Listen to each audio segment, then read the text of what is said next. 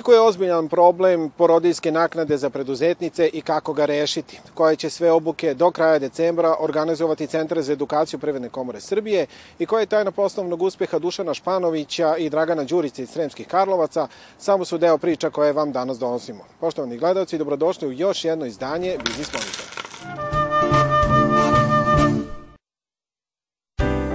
E-fiskalizaciji koja reguliše promet na malo u borbi protiv sive ekonomije, Srbija u punoj meri pridružuje e-fakture za promet na veliko. Fakturisanje roba i usluga umesto papirnog dobije elektronski oblik. Sve što je trpeo papir neće softver ono što je glavno da praktično sada više nema nekog antidatiranja dokumenta, odnosno da izdate fakturu danas, a da je ona pre šest meseci, znači nego jednostavno mora u tom trenutku, jer se sve evidentira kroz centralni sistem. U transakcijama sa javnim, privatni sektor od 1. maja već izdaje, a od 1. jula i prima e-fakture. Zaduženje se od prvog dana nove godine širi na sve subjekte u sistemu PDV-a, a pristupaju i dobrovoljni korisnici. Prednosti su više struke ocenjuju naledu mnogo jednostavnije arhiviranje, mnogo jednostavnija sama samo rukovanje tim dokumentom. Dakle, u nekim zemljama došlo je do smanjenja vremena potrebno da se obradi jedna faktura za čak 90%. A to opet ima implikacije i na bilance preduzeća i na njihovu efikasnost i operativnost. Od konkretnijih benefita koji će u brzom vremenskom periodu moći da se vidi jeste da sistem elektronskih faktura omogućava uparivanje faktura koje nose takozvani ulazni i izlazni PDV i samim tim stvara se pretpostavka da se taj period povraćaja PDV-a koji je sada do 45 dana značajno u perspektivi skrati. Prema podacima Ministarstva financija u sistemu elektronskog fakturisanja nalazi se gotovo 11.000 javnih i više od 178.000 privrednih subjekata. Oni su do sad razmenili više od 5,8 miliona e-faktura.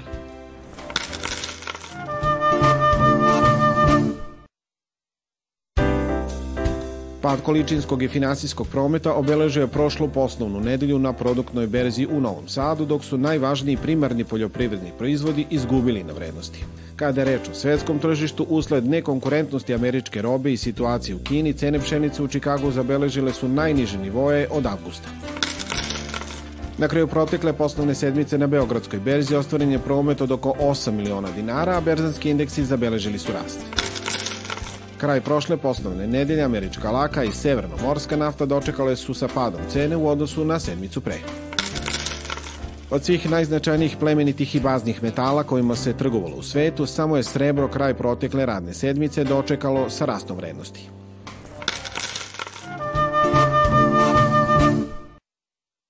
Vama je poznato da do uvođenja novog e, zakona e, je praktično, mi smo dobijali od naše informatike, je tako, e, dobijali smo jedan objedinjeni račun na kome su bili navedeni svi koji praktično učestvuju u tom formiranju tog računa. I e, sada se radi o tome da je zbog e, zakona o e-fakturama e, izmena u tome e, vrlo veliko pitanje da li je to zaživelo, ali će, bi moralo da ide u pravcu toga da e, kada neko e, neki, e, neko javno preduzeće radi naplatu u ime i za račun drugoga, ne može da radi obračun e, i iskazivanje PDV-a u tom računu. Znači, može samo da se ako se nastavi takva praksa da će informatika i dalje raditi e, naplatu objedinjenih ove, tih troškova, e, neće moći da iskazuje PDV u tome. Znači, može samo da navede iznos, a svako od tih koji su praktično činioci, jel tako, te, tog ukupnog iznosa objedinjene naplate, će morati ipak da izda pojedinačan račun.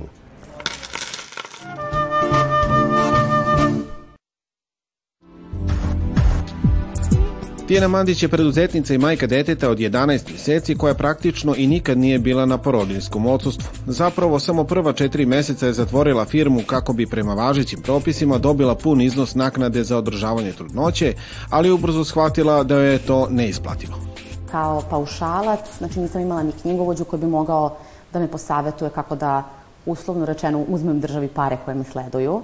tako da sam ja prvih četiri meseca čak državi plaćala, nazovimo to odštetom, za obavezno zdravstveno osiguranje, od nekih recimo 5000 dinara mesečno, zato što sam, jel te, trudnica, preduzetnica. Preduzetnica kada ode na trudničko odsustvo, dakle ona je saznala da je trudna i tada ima pravo na trudničko odsustvo, ukoliko se odluči da ode, nju zakon tera da zatvori svoju preduzetničku agenciju odnosno zamrzne preduzetničke agencije i u tom slučaju ona će dobijati 100% naknade. Ukoliko ona odluči da nastavi da radi, ona će dobijati samo 50% naknade. Dakle, to je već u startu neki zakon, odnosno neka norma koja je onako krajnje destimulišuća za nju da ona nastavi svoje poslovanje. Osim što postojeći propisi premoravaju preduzetnice da biraju između materinstva i porodinske naknade u punom iznosu, oni su u suprotnosti sa više zakona, ali i sa samim Ustavom Republike Srbije. Ustav kaže da sva lica, građani jel, Republike Srbije, imaju pravo pod jednakim uslovima na zaštitu svog zdravlja, psihičkog i fizičkog integriteta. Pogotovo Ustav kaže da određene kategorije, kao što su deca, kao što su samohrane majke, kao što su trudnice, kao što su porodilje, imaju pravo na teretu države, znači iz javnih financija, da ostvare ovo svoje pravo za vreme te neke privremene sprečenosti u slučaju bolesti i u ovom slučaju slučaju kada ovaj, žena odlazi na porodiljsko osustvo i da neguje svoje dete. Činjenica je da se nikada nije više pričalo o ženskom preduzetništvu nego danas. Takođe čini se da sada imamo možda i rekordan broj konkursa namenjenih pokretanju i unapređenju malog biznisa čije su vlasnice žene. Pa je zato i potpuno paradoksalno da država istovremeno i podržava i diskriminiše preduzetnice stalno imamo to tapšanje po ramenu, bravo, ti si preduzetnica, super, karijerista, želiš da se ostvariš kao majka, jer obično ljudi poništavaju to. Ako želiš da budeš karijerista, ne možeš da budeš i majka. To, to im se nekako anulira u tom procesu. Uh, I recimo da je to taj prvi trenutak kad ja shvatim da, ok, ajde, zamrznuću firmu, napravit ću pauzu u svom poslu, ali onda dođem do toga da ja sam državi još dužna za to što sam trudna i onda ti shvataš da ćeš morati da nastaviš da radiš celu svoju trudnoću. I dok preduzetnice moraju da rade gotovo tokom cele trudnoći porodinskog odsustva, zaposlene žene ne moraju. Zaposlene žene imaju pravo na dve godine porodinskog odsustva za dvoje ili više dece, a preduzetnice samo na jednu. Takođe, preduzetnice za razliku od zaposlenih žena nemaju pravo da u prva tri meseca porodinskog odsustva dobiju naknadu u visini minimalca. Zahtev jeste da se preduzetnici omogući da ona odsustvo sa rada radi nege deteta prenese na partnera, odnosno supruga. Šta je tu problem, odnosno šta se dešava? E, preduzetnici je ovo pravo od suštinskog značaja, jako joj je bitno. Zašto? Vi ste započeli neku delatnost, započeli ste neki svoj posao, biznis, kako god, i sada vi radite godinama, odlučite se da postanete majka, godinu dana vas na tržištu rada nema, i samim tim vi gubite većinu klijenata. Imaš neku opciju da uh, platiš nekoga da zameni tebe na tom mestu. U mojoj firmi to nije moguće, se bavim audio-video produkcijom, prosto sve zavisi od mene. Ja sam samo zaposlena i jedina sam zaposlena u svojoj firmi. Znači, nemam na koga da prebacim odgovornost. I kolika je prednost da koliko radiš, toliko ćeš imati koju sam imala u prethodnim godinama, ti gubiš svaki mogući benefit od trenutka kada ostaneš trudan i onda se prosto suočavaš malo sa tom tugom nekom, jer posao strada, dok recimo druge žene bezbrižno mogu da odu na trudničko, kasnije na porodiljsko, a da ih čeka svoje mesto u firmi. Ako na moment po strani ostavimo uskraćivanje ustavom i zakonima zagarantovanih prava i pogledamo samo poslovnu stranu problema, jasno je da su preduzetnice stavljene pred izbor koji će svakako biti loš za njihov biznis. Moraš da negde izvagaš da li ti je, da li si spreman da se potpuno odrekneš nečega u što si uložio mnogo vremena, u mom slučaju firma je postojala već pet godina, a opet za, zaista sa višim ciljem. Mislim da je to najveći problem. E, preduzetnice se do, dovode u tu situaciju da moraju da biraju e, šta će ih manje boleti, da, čega da se odreknu. I to je najveći problem. Dok god niste u koži preduzetnice koja se odluči da bude mama, ne znate kako je to. Dakle, ozbiljan problem postoji. Svi su svesni da je posredi diskriminacija majke preduzetnica, ali rešenja za problem još uvek nema, iako je javna debata o tome odavno u toku. Pokrajinski socijalno-ekonomski savjet je stavio ovu temu na dnevni red, raspravljao, usvojio. Takođe i Republički socijalno-ekonomski savet je ovaj usvojio inicijativu i ta inicijativa je proslađena svim nadležnim institucijama. Da tako kažem, sad je red na institucijama, ali u svakom slučaju mi ćemo, ovaj, tu smo spremni da obrazložimo i da damo sve argumente u cilju da se ova diskriminacija koja je po nama načinjena otkloni u što kraćem roku. Mi imamo predlog zakona napisan i predali smo ga nadležnim institucijama, ali stvar je u tome što mora da se koordiniše rad više ministarstava. I tu je onda problem. Zato smo mi e, ciljali vladu kao za ključne pregovore, ali smo uvek bili upućivani na Ministarstvo za rad, pa onda tamo vam daju podršku, pa vam kažu mi nismo nadležni, pa vas upute na Ministarstvo za brigu o porodici. U pisanom odgovoru na naš zahtev za sagovornika na ovu temu iz Ministarstva za brigu o porodici nam je rečeno da su svesni ozbiljnosti problema, da su u vezi sa tim u komunikaciji sa ostalim ministarstvima i da očekuju da se u što kraćem roku taj problem konačno reši.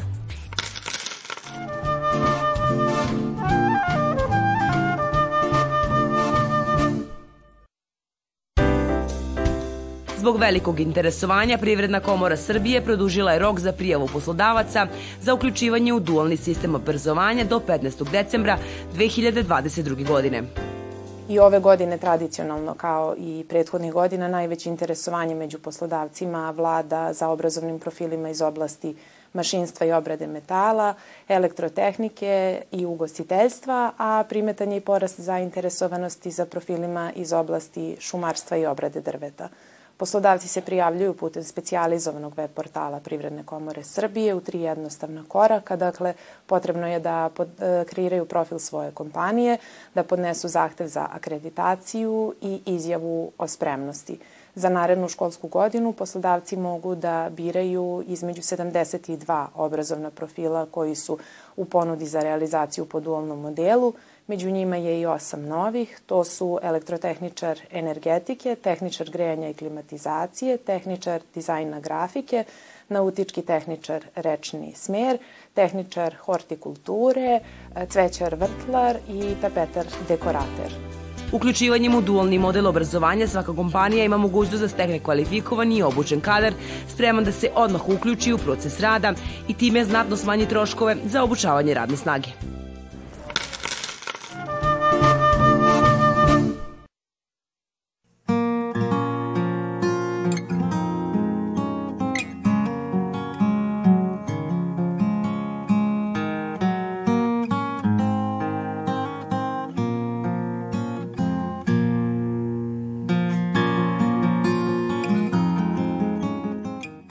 Naši današnji domaćini, Dušan Španović i Dragan Đurica, na delu demantuju stereotip da Srbi teško mogu biti ortaci u poslu. Možda baš zato što su porodično i kumovski višestruko povezani, tek oni uspešno vode više biznisa koji se prepliću. Više puta nagrađivanu destileriju Srem, kraft pivaru i pivnicu Bircuz, kao i veleprodaju komponenti za male pivare. U priči koja počinje iznad Sremskih Karlovaca na putu za Stražilovo, a završava se u pasažu u centru Novog Sada, danas prepisujemo recept kako uspeti u Srbiji. Destilerija Srem funkcioniše u okviru firme Pira 021, to je poslovna jedinica. Pira se bavi i veletrgovinom i veleprodajom sirovina za proizvodnju piva, ali i, kao što smo rekli, proizvodnjom rakije. Imamo Dunju Krušku i Kajsiju. Sve rakije su nagrađivane prethodnih godina bile. Evo, na poslednjem festivalu Mlade rakije u Ljutovu smo osvojili zlato sa Kajsijom. Imamo zlato i Novoskog sajma sa Kajsijom, srebro imamo Novoskog sajma za Dunju. Voće je sa Fruške gore, znači Kajsija je iz naših voćnjaka, dok Krušku i Dunju nabavljamo u, oko, u okolini, u okruženju, jer Irig, Vrnik, Čortanovci, Maradik, tu smo, ovaj, kažem, gledamo da bude autoktono i da bude sa Fruške gore voće koje proizvodimo. Pravimo više hiljada litara u zavisnosti od toga kako rodi. E, konkretno ove godine oko 1000 litara kajsije, pa sad dunja je u, u kruške u toku prepek, dunje smo oko 3-3,5 tone kupili to je to osim proizvodnje rakije i velike popularizacije kraft piva u poslednjim godinama, negde je logičan sled bio da krenemo i u proizvodnju piva, opet iz neke ljubavi, iz neke želje da predstavimo tržištu novi proizvod i nekog samopouzdanja da mi to možemo. E, krenuli smo u priču pravljanja piva, a u možda nedostatku, ne nedostatku ovaj sirovina na tržištu, nego u nedostatku nekih naših želja prema sirovinama smo došli i do toga da e, uvozimo slad e, i sa različitih kontinenta i sa različitih e, evropskih destinacija i zemalja koja su, koje su e, poznate po proizvodnji pivskog slada. E, te smo i sa te strane osim sebi omogućili i drugim pivarima i drugim e, proizvođačima piva da imaju adekvatnu sirovinu za isprobavanje nekih drugih ukusa. Imamo negde oko sada trenutno 10 do 12 etiketa koje su poslagane po stilovima piva koje dolaze iz ovih zemalja, kao što rekoh, to su neki najpopularniji stilovi American Pale Ale, IPA, belgijski stilovi piva, nemačka pšenička, pšenična piva, lager, na kraju krajeva nešto što i konzumenti prihvataju, a nešto što je i popularno kada je pivarstvo u pitanju. E, sve ovo naravno nije od juče. A kada i kako uopšte sve počelo? I, e, jer uvek išlo sve lepo i glatko. I kako se to uopšte stiže od same ideje pa do ovakvih brendova na dobrom glasu? Kako to u Srbiji uglavnom bude, uvek koalicija deda i unuk je pobednička, tako da kažem. I moji prvi koraci i dodiri sa rakijom su bili u Sremskim Karlovcima sa deda Rajkom kad je on peko rakiju. Naravno, tu je otac bio prisutan, ja sam tada imao 15-16 godina, da kažem 90. godina, uh, i 94. godine smo prvi voćnjak podigli ovde na ovoj lokaciji gde smo sada. Od tad otac i ja dominantno pečemo rakiju, sad zadnjih 15 godina već je to otac prepustio meni. Firmu smo registrovali pre dve i po godine, jer počele su se pojavljivati količine ovaj, da jednostavno mora da se registruje firma da bi se dobili sve potrebne dozvole i u krajnjem slučaju da bi se ušlo u tokove koje to zahteva zakon.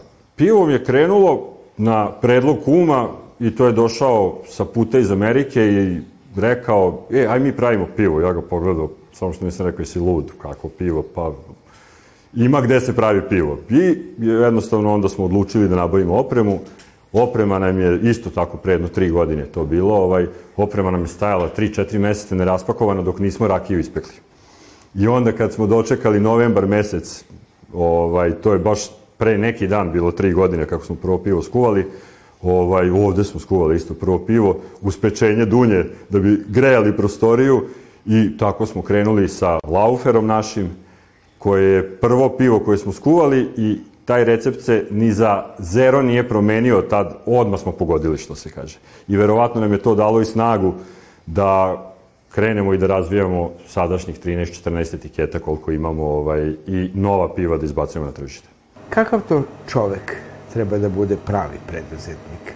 Neko kaže treba da ima ideju, hrabrost, upornost, sve to zajedno, treba li sreće. Kako je bilo u vašem slučaju? Mislim da treba da ima hrabrost, jer sve ljude koje ja poznajem lično su je hrab, hrabrost je bila ona odlučujuća komponenta da uđu u neki privatni biznis. Sa druge strane, naravno, ideja dolazi, najbolja ideja se rađa iz neke ljubavi, iz neke želje da se e, neka zamisao pretoči u nešto konkretno, ali da, svakako u vremenu koje nas okružuje potrebno je malo i lucidnost i spretnost i e, i naravno velika ve, vrlo je važno vrlo je važna komunikacija između ljudi poznavanje ljudi i upoznavanje ljudi iz nekih sfera i domena koji se tiču uh, bioekonomije i proizvodnje nekih uh, pomoćnih, da tako kažem, tehničkih sredstava koja su neophodna za onu primarnu i osnovnu delatnost i proizvodnju koji se načela i principa držite u svom poslu svakog dana? Šta je ono u što verujete kad je posao u pitanju i kakav je to recept za poslovni uspeh? Zadovoljni kupci bilo kog proizvoda su zapravo e, najveća ocena uspeha. Ne postoji veća nagrada od nagrade ljudi koji koriste proizvod, koji proizvo, proizvodite. U našem slučaju su to naši konzumenti. Šta je u vašem poslu najteže, a šta opet najlepše? Proizvodnja sama po sebi je teška. Ima mnogo fizičkog rada, ima mnogo odricanja, mnogo odsustva od kuće, od porodice, e, mnogo sati provedenih u radu rukama, a sa druge strane je sve to nadoknadivo kroz onaj krajnji proizvod kad mi vidimo da je rezultat našeg rada nešto sa čime su naši prijatelji, naši potrošači, naši konzumenti na kraju zadovoljni i daju nam pohvalu za to. Ko šta radi u ovom porodično-kumovskom biznisu? Kako ste podelili posao? Ko je za šta zaslužan, a za šta odgovoran? Složen je posao, tu su tri firme u pitanju, znači Pira 021, u okviru koje je destilerija, Bircus pivara i Bircus pivnica. Što se tiče rakije, to je nekako moj usud i ja se toga držim. Naravno, kum je uvek tu prisutan da se pomogne. Moja je neka odgovornost i iskustvo u pečenju i oko svega i u plasmanu, tako da kažem. Što se tiče piva samog, proizvodnje piva, zajedno moramo da budemo prisutni, jer nemoguće jedan bez drugog ovaj, tu da radimo. Mi kao, da kažem, fizička, teška fizička radna snaga, uz naše gospođe, bez kojih tu ne bi sigurno toga bilo svega, dok je oko pivnice, kafane, kum najviše ovaj, angažovan i, i, i zainteresovan, tako da kažem, oko toga. Jednostavno ima iskustva iz nekog, što kaže, studentskih dana. Sva tri biznisa smo zajedno, ali tačno se zna ko šta radi, a najviše u kuvanju piva, bukvalno jedan drugog pogledamo, zna se ko kad šta radi, uzima da radi, jer ovaj, takav je dugotrajni proces. Mi ujutru u 6 startujemo i do 23 časa naveče celodnevno kuvanje piva potraje da bi se skuvalo 200-250 litara. I na kraju biznis monitora mi uvek pitamo šta je za vas poslovni uspeh, a šta lična sreća? Kad se osvrnemo u neki prethodni period, ako sad evo na kraju godine smo, pa ako pogledamo za prethodnu godinu, zbir našeg uspeha je zbir proizvedenih i plasiranih litara i popijenih litara naših proizvoda. Poslovni uspeh je, evo, mi sad ovde peče se kruška, odemo negde gde nas niko ne zna i proba i kaže izvanrednu krušku imate. Poslovni uspeh je to što nemamo iza sebe mrlju u poslovanju, naši klijenti su zadovoljni našim proizvodima. Ponovljena kupovina je najvažnija. I mi bukvalno i u plasmanu sirovina za proizvodnju piva, i u plasmanu piva, i u prodaj rakije, ponovljene kupovine smo redovno imali i stalni kupci su nam dugogodišnji. Znači, nismo imali situacija da zbog našeg odsustva kvaliteta ili nekih naših faulova neko prekine saradnju sa nama. U ovom poslu lična sreća je što je ovo porodičan posao. Nema veće sreće kad u sred leta na 40 stepeni moja deca dođu sa mnom i zajedno rade sa mnom. Isto tako i kumovi, jer s kumom radimo u ovom poslu.